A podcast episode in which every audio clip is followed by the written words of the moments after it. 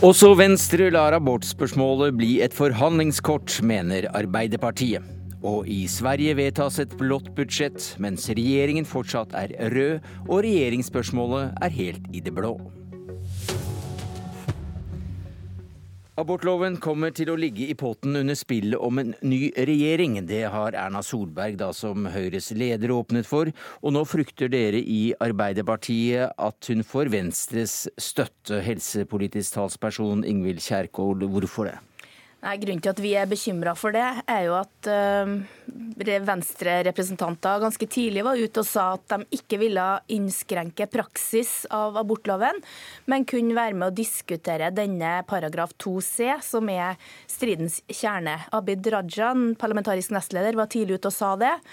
Og når da Venstre i sine formelle organer endrer politikk, eh, gjør et nytt vedtak som åpner for forhandlinger, så er vi bekymra fordi at disse fire borgerlige partiene de er nesten dømt til å lykkes på et lukka rom. Og da mener vi at eh, kvinners rettigheter og abortloven ikke skal være på forhandlingsbordet. Og Du får nesten gjenta hva 2C kort fortalt er. Det er den paragrafen som eh, omhandler alvorlig sykdom hos eh, barnet, og som i dag er et nøytralt, objektivt kriterium i loven, som gir den tryggheten for disse kvinnene som har fått den ulykksalige beskjeden om at noe er galt med fosteret i magen, om at man kan avbryte svangerskapet på den mm. paragrafen. Og det møtet du sikter til, det var eh, landsstyremøtet i Venstre i helgen, der eh, du, Naomi Røkkum, som Norges Venstre kvinnelags leder, var ordstyrer for akkurat denne abortsakene og hvordan den ordlyden ble. Og hvorfor eh, god, vedtok dere da ikke at 2C skulle skjermes for godt? Ferdig med det, så hadde dere sluppet dette? Fordi det er så mye mer å skjerme. Det er mer enn 2C. Men her har rett og slett representanten fra Arbeiderpartiet tatt litt for mye Møllers tran. Fordi det denne debatten eh, gikk på, var at A, vi ønsker ikke å fjerne eh, eller altså innskrenke dagens abortlov. Men det vi faktisk diskuterte, var liberalisering. Hvordan styrker vi kvinners rettigheter? Og det er det debatten burde handle om i 2018. Ikke en debatt på falske premisser eller noen som har tatt litt for mye Møllers tran. Hvis, man, hvis Venstre ønsker en debatt om å liberalisere abortloven, så bør man jo ikke åpne for å forhandle med KrF om å innskrenke den. Og Det er vanskelig å lese det vedtaket på en annen måte enn at man åpner for forhandlinger.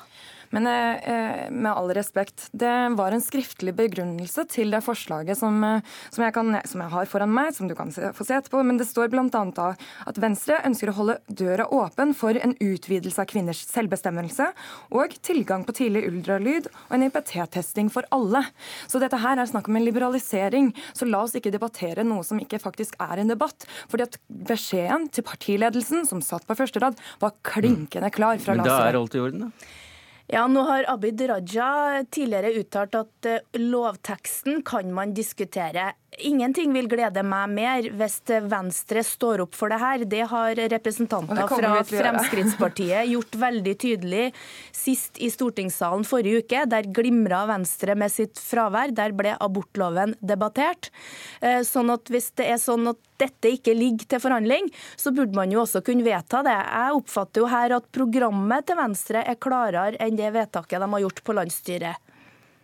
Her var jo faktisk både Venstre-leder eh, Trine Skei Grande og eh, Frp-leder Siv Jensen sammen ute i media med en gang og avfeide det forslaget som kom fra Erna Solberg. Og Beskjeden har vært tydelig. og Ikke minst så hadde vi et eh, landsstyremøte rett etter KrF sitt landsmøte hvor jeg, mitt krav var helt tydelig på at abortloven ikke burde innskrenkes. og Da fikk jeg svært mye gehør fra resten av salen også. Så, det, så, så de dette er en misoppfatning. Så de på landsmøtet til KrF på Gardermoen i november, de kommer inn i og som da vippet det hele i blå retning pga. Erna Solbergs utspill med at abortloven var et forhandlingskort de har solgt solgt eh, skinnet for Nei, Vi ga beskjed, heldigvis. Altså, KrF fikk eh, beskjed allerede i forkant. Jeg var bl.a. på Dagsrevyen og ga tydelig beskjed om at dette kunne ikke de ta for gitt. Nei, Ikke for gitt, nei. Men er det slik at Venstre er en garantist for at uh, abortspørsmålet ikke blir et forhandlingskort? Her var Venstre-leder helt tydelig på at dette her er noe som Venstre virkelig ikke kan gå med på. Det er uakseptabelt å uthule abortloven. At Venstre er et sosialliberalistisk parti, det, det, anerkjenner jeg. Og at rettigheter som går inn i, enk i, enkeltmenneskets liv, sånn som abortloven gjør, at man står opp for det i programformuleringa, det forventer jeg av Venstre. Men de forhandler om regjeringsmakt, og Trine Skei Grande ba jo også i si tid om å bli trudd på at hun aldri ville regjere med Fremskrittspartiet. Nå sitter hun i regjering med Fremskrittspartiet. Abid Raja har sagt at det går an å diskutere lovtekst, og man vedtar et Eh, en eh, formulering som er mykere enn partiprogrammet. Så her må man stå opp for norske eh, kvinners rettigheter. Kjerkol, så, så, det er dessverre trist at du, er, er sånn du, at du, prøver å spinne en debatt eller rett og slett koke suppe på en spiker når det ikke er en suppe å koke. Men, men, men, men la oss ta ta, ta det litt annerledes. Hva slags garantier vil du da ha fra Naomi Røkkum som du ikke har fått akkurat i dette studioet i dag? Jeg vil at man garanterer at man ikke gjør endringer i abortloven. Ikke Punktum. i lovteksten, og at man legger det på bordet på samme måte som Venstre har prioritert det, gjort med andre jo, saker. Jeg stusser jo veldig egentlig på Ja, men Kan denne, du gi den garantien? Er, nå sitter ikke jeg i forhandlingsrommet, men jeg viser Nei, da til Trine Skei Grandes uttalelse, som har vært klinkende klar i media.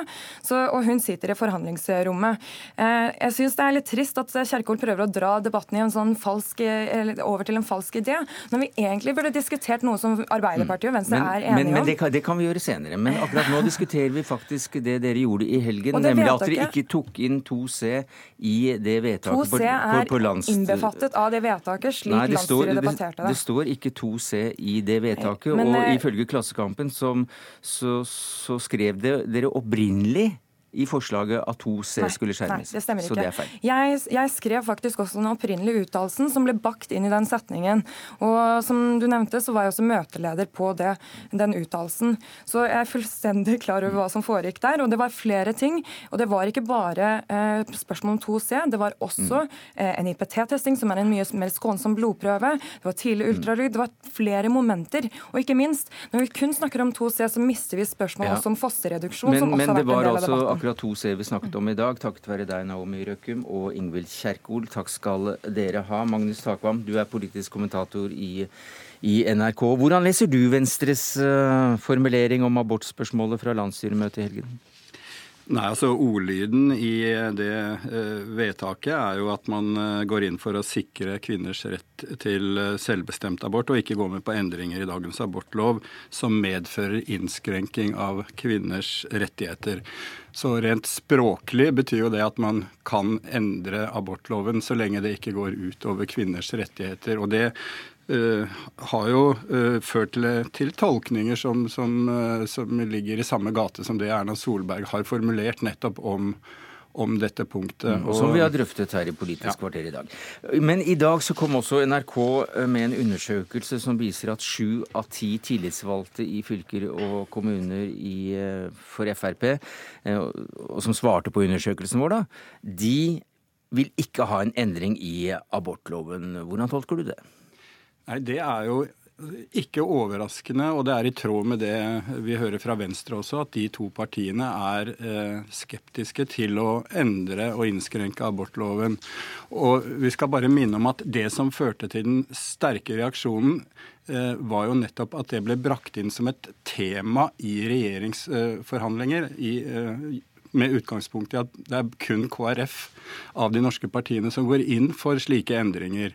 Og det var jo da også eh, kanskje det som vippet flertallet i Kristelig Folkeparti i borgerlig retning. Så det er det som er bakteppet for den sterke debatten også om nettopp den paragrafen. Fra sterke debatter i Norge skal vi over til Sverige.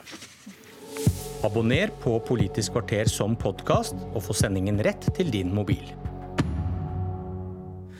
Forvirringen i Riksdagen når nye høyder. For i dag kan Sverige få et eh, blått statsbudsjett, mens overgangsregjeringen fortsatt er rød-grønn. Og hva i all verden er det som foregår, Takvam? Du følger også svensk politikk eh, tett.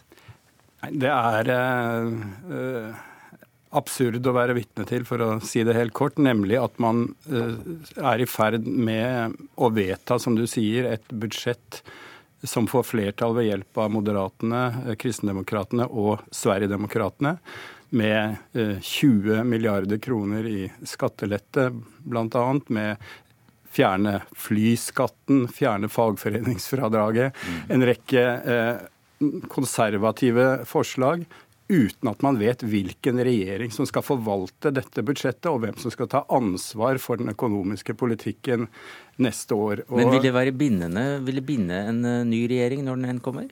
Altså, det som dreier seg om skatte, eh, inntektsskatten, som er en viktig del av dette, kan man ikke endre neste år. Man kan ha en tilleggsproposisjon når en ny regjering da eventuelt kommer på plass, som kan endre andre deler av budsjettet. Men skatte, skattevedtakene står fast gjennom hele neste år. Og da snakker vi om en 20 milliarder kroners prioritering? Det gjør vi, og det er klart da blir det jo selvfølgelig mindre rom for uh, reformer og bruke penger til andre, andre, ting. sånn at det er en veldig sånn spesiell situasjon som, som manifesterer seg. Og det er ikke absolutt flertall i Riksdagen for dette, for det trengs ikke?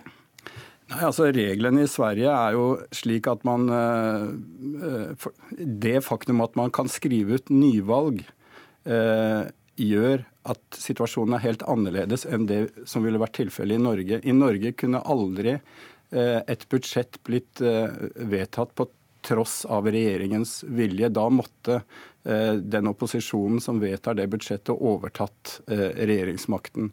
Og det er også slik at man ikke kunne, slik det har skjedd i Sverige, kaste en statsminister uten selv å ha et alternativt regjeringsgrunnlag. Så er, de har kommet i en veldig spesiell situasjon. Elisabeth Sandlund, du er lederskribent i den svenske avisen Dagen. Og i slike situasjoner gjelder det å akseptere den faktiske situasjonen, om enn med sorg, skriver du, og ber politikerne våge å tenke ut av boksen. Eh, hvordan ser en løsning ut eh, for regjeringssamarbeidet ute av boksen, slik du ser det?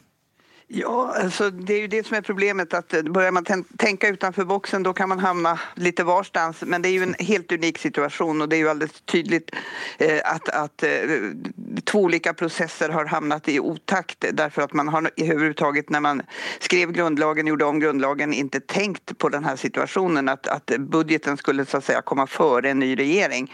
Eh, så att, och det här måste, det här måste ju åtgärdas eh, när vi någon gång har löst den här situationen eh, och det kommer ju också att ta tid och, ändra grundlagar är ju inte det enklaste. Eh, men, men eh, utanför boxen så skulle en tänkbar lösning kunna vara en, en eh, antingen formellt en riktigt bred koalition med, med alla partier utom de två ytterkantspartierna, vänstern och, och och eh, Sverigedemokraterna. Eh, och det är ju en väldigt ovanlig situation. Det är sånt man tillgriper normalt. Senast vi hade det i Sverige var när, under andra världskriget och där är vi ju inte. Men, men eh, en ekonom, skulle det bli så att konjunkturen börjar ge vika på allvar och att det här med oron på börserna inte går över och så vidare så skulle det, tänker jag, kunna tvinga fram en sån lösning. Och den är absolut inte idealisk för den innebär ju precis som det var när vi hade samlingsregering under under kriget att man får lägga många viktiga politiska frågor åt sidan mm. därför att man helt enkelt inte kan komma överens. Men den skulle kunna fungera i alla fall ett par år och sen kan man kanske hitta en annan lösning eh, i god tid före nästa ordinarie val. Men da ligger, en, da ligger det til grunn til at det er internasjonale konjunkturer og økonomiske nedgangstider i Sverige som vil presse eh, en ja. slik storkoalisjon eh, opp i, opp i dagen? Jag tror att det är det enda som skulle kunna, kunna leda till det. En annan möjlighet är att man, att man gör detta på ett informellt sätt, det vill säga man låter antingen eh, Socialdemokraterna eller Moderaterna eh, regera men det andra stora partiet eh, går med på och släpper fram dem och man får träffa någon form av uppgörelse. Det är heller ingen bra situation eh, därför att det, det kommer ju hända, det händer ju oförutsedda saker och hur ska man hantera dem? Men, men någon sån lösning, den, det, det är en väg framåt. En annan väg som vi ju faktiskt har provat i Sverige ganska många gånger och som ändå fungerar i alla fall under en begränsad tid. Det är en, en liten en minoritetsregering någonstans ja. i mitten. Og da, og, da, og da, eh, blir det en slags sentrums, eh, sentrumsregjering, et, et kraftig mindretallsregjering. Ja. Vi går mot slutten her, eh, dessverre. Men takk for ham helt kort til slutt. Det er snakk om nyvalg. Ja, ja, det må bli da etter fjerde eh, statsministervotering som blir avvist av Riksdagen. Vi får på fredag den andre av fire, så veldig mange tror det faktisk kan gå mot en nyvalg i Sverige. Elisabeth Sandlund, lederskribent i den svenske avisen Dagen, takk for at du kom. Magnus Takvam, takk skal du ha. Det var det vi rakk i Politisk kvarter. Jeg heter Sverre Tom Radøy.